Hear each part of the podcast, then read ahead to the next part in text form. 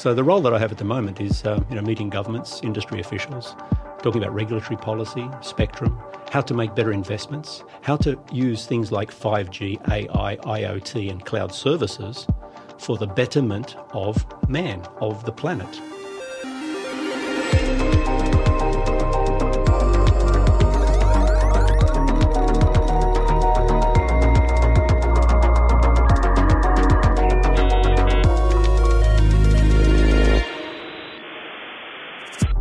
Er et intervju henta fra Telepodden med teknologidirektør i Huawei, Paul Scanlon. Innspillinga ble gjort i slutten av september 2019 av meg, Sebastian Storvik, og daværende redaktør for Inside Telecom, Varog Kervarek. Welcome. Thank you very much, Sebastian. Now, Huawei is obviously a huge organization, and you've been with the company for 11 years. What specifically is your role? So, you know, Huawei is a very big corporation, about 190,000 people, yes? And we cover the whole, the whole globe, so 170 countries plus. Uh, we have four or five different business units, ranging from carrier, which is the people who build telecom networks. We have others that handle our consumer businesses, like, um, like phones and devices that fit in your house. We have a cloud business unit, we have an enterprise business unit, and more recently, we have an automotive business unit. So, very specifically, I work for this business unit that's you know about fifty billion dollars and brings in most of the profit for the company. That's called Carrier. So in that role, CT, T for technology, T for transformation, perhaps. But you know, eleven years, trusted part of the company. I've done everything from uh, some of the components in R and D to sales to marketing to media, and as you can see right now, what we're doing. But my job, very specifically, is how do we transform Huawei from being purely R and D and sales how do we take it to becoming a better, you know, more trusted company around the world? Because this is an under, a misunderstood company, and it's misunderstood because for you know 30 years, all we've had to do is talk to a customer. We've never had to go out there and talk about politics. We've never had to go out there and, and market our products and services on television, and it, we, we didn't have to do that. So the people we were engaging with were industry people, the technology people. You know, we're a technology company. So the role that I have at the moment is uh, you know meeting governments, industry officials, talking about regulatory policy, spectrum, how to make better investments, how to use things like 5G, AI, IoT, and cloud services for the betterment of man, of the planet. How do we use these technologies? And putting aside the geopolitic issues, um, that's really fundamentally my job, and I do that in pretty much every every geography in the world. Mm. It's been three months since we last spoke. Uh, how have these months been for for Huawei? Well, you know, it's a it's a great roller coaster ride. I'd like to say. And I think it's. Um, I, I, personally, I think it's been very good. Um, it's very good because you know, with with challenges comes opportunities. All right.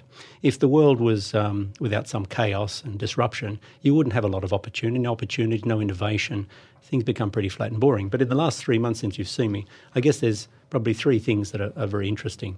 The most recent one you've heard will be the um, the Mate 30 launch, which at the moment, as you know, is going to be run on an alternative to Android called Harmony operating system or Hongmeng in uh, in Chinese, and that'll be launched in China.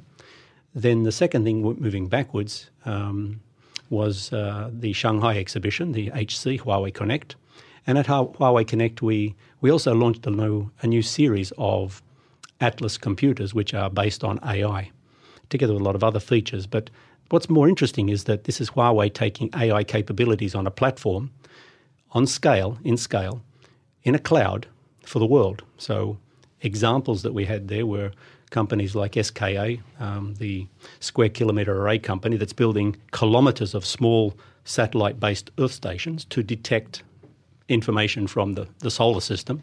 And they're building them in Australia and they're building them in South Africa.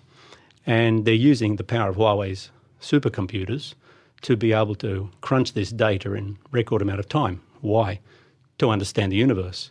We're doing the same thing in predominantly China, but in other countries now using the same thing with AI to gather data for medical reasons, for health, to improve health, you know, try and find, you know, cures for cancer and things like this. So those two types of products are very different. Yes, and they've been put in the market for different reasons.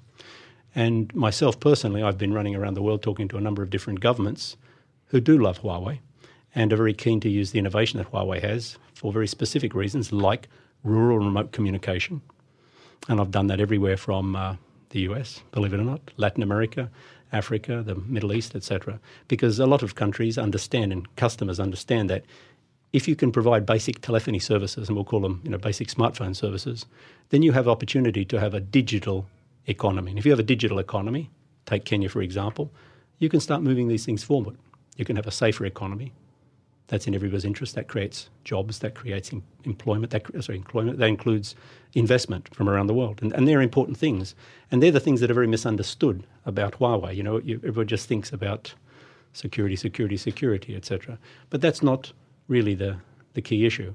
Having been in the company a long time, and as I mentioned, all these different departments, then I also get the opportunity now to sit on the advisory committee, which is looking at transforming our software, improving our software, to demonstrate to the world that um, if you think you have a problem, present it to Huawei.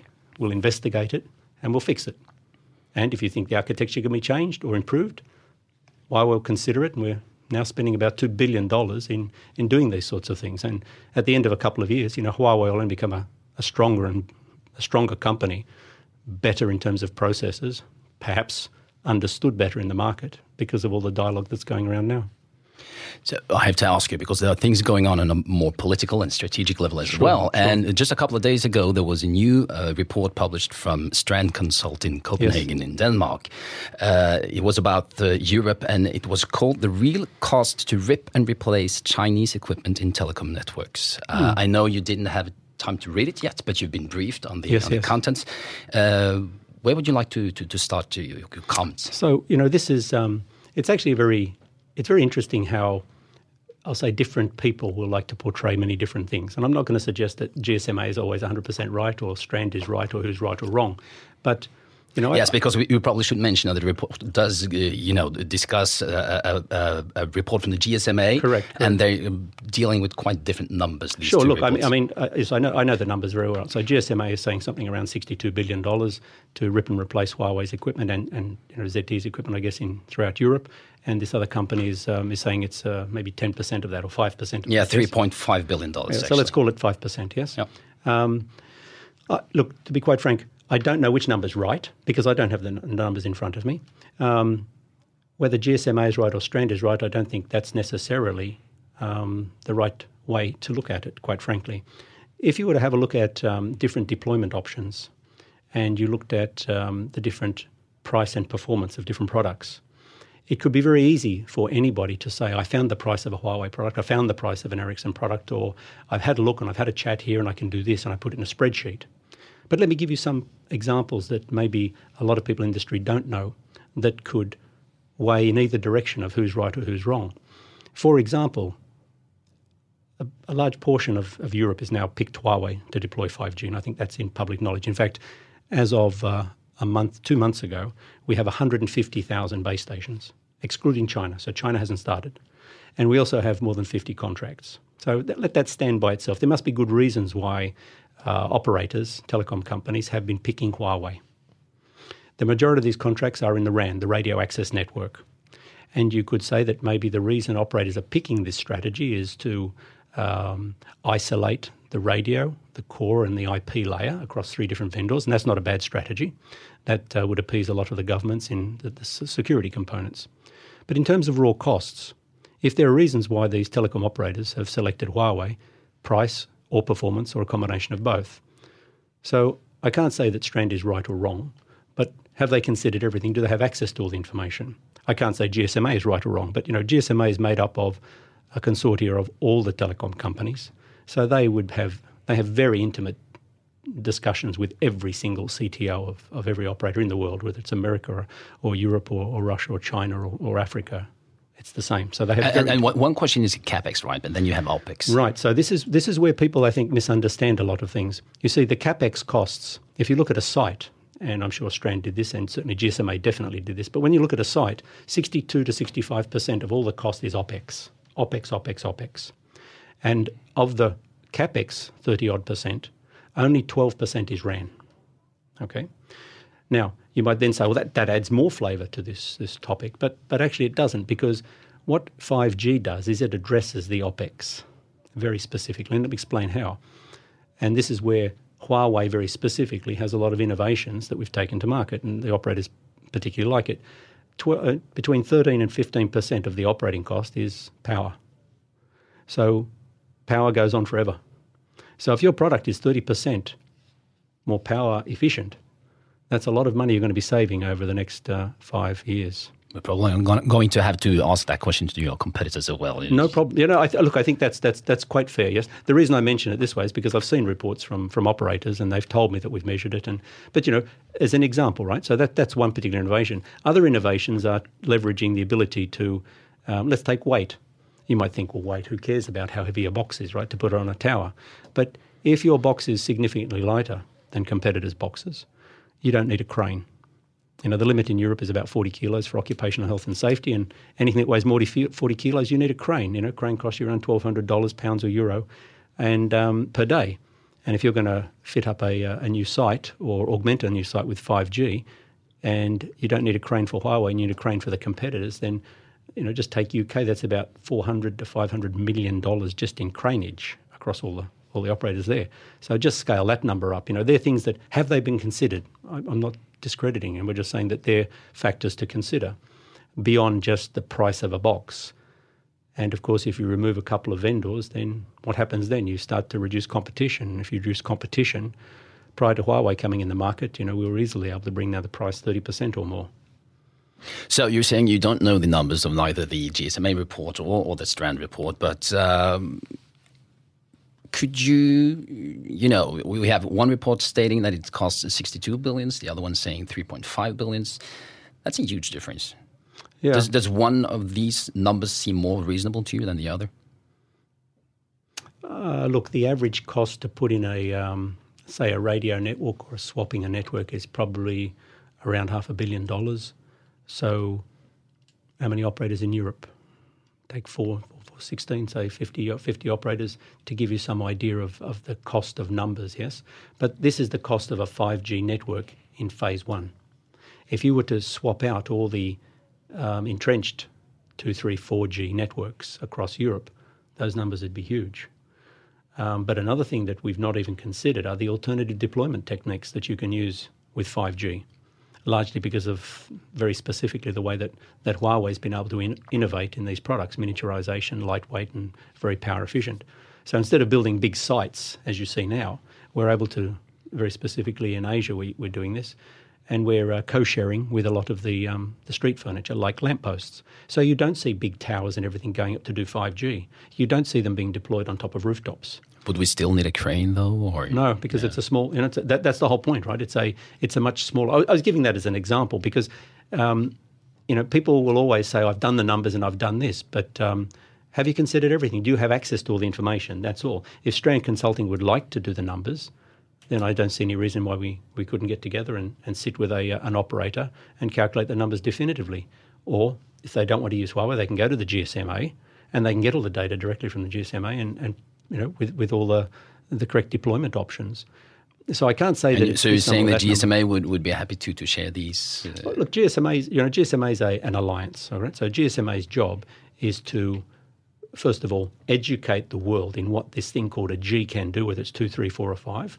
You could say it's a club for the boys. Of course, it is a as a, as a club, but its job is also to make sure and ride shotgun on how to make, you know, how how to use this infrastructure to improve economy, for the betterment of industry. And 5G is a transformative opportunity. So if you limit options, let's come back down to the bottom and forget about just numbers. If you limit options, and 5G is transformative for an operator, you know, it's cheaper. 5G is cheaper. 5G improves your business. 5G, yes, will give improved performance for, for users, but that's not really the, the key. The key is how can I also launch say, fixed wireless access into markets where fibre is not available across the world. How can Africa, you know, a lot of the developing countries, Africa, Asia, um, even China in some cases, and Latin America, how can they leapfrog technology that is cheaper, that is more efficient spectrally, and, and provides a digital platform for industry transformation? And I think that's what's really not been discussed across the world about, um, you know, limiting options by excluding probably the most innovative vendor in the world. I would like to ask you one more question, considering this this uh, subject. Strand uh, argues that uh, when reducing the, the, number of vendors, you don't necessarily uh, get a, a price uh, hike, right? It's, it's the, the, prices could even, I mean, stay stay right where they are, or or, or even re be reduced. Uh, they point to the U.S. and Australia to to to show that this is uh, well, that, that's some sort of proof of evidence. No, what do you call it? So so let's. Um Okay, so let's. You, you, really want to answer that question? Let's answer it this way: We're not in the US in um, in any of the big networks. We sit in the tier two, tier three layers. Yes, and the reason the operators like us, you know, why? Not because of the price, not because of the performance, but because their operating cost is, as he said, zero.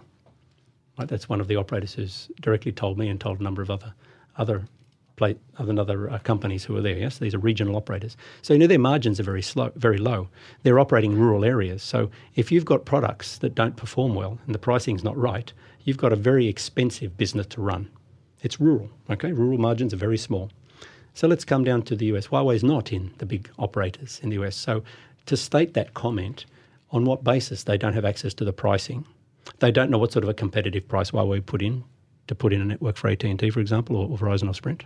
You don't know that. I don't know that. No gentleman knows that. So I call that speculation, and I'm not a speculative person.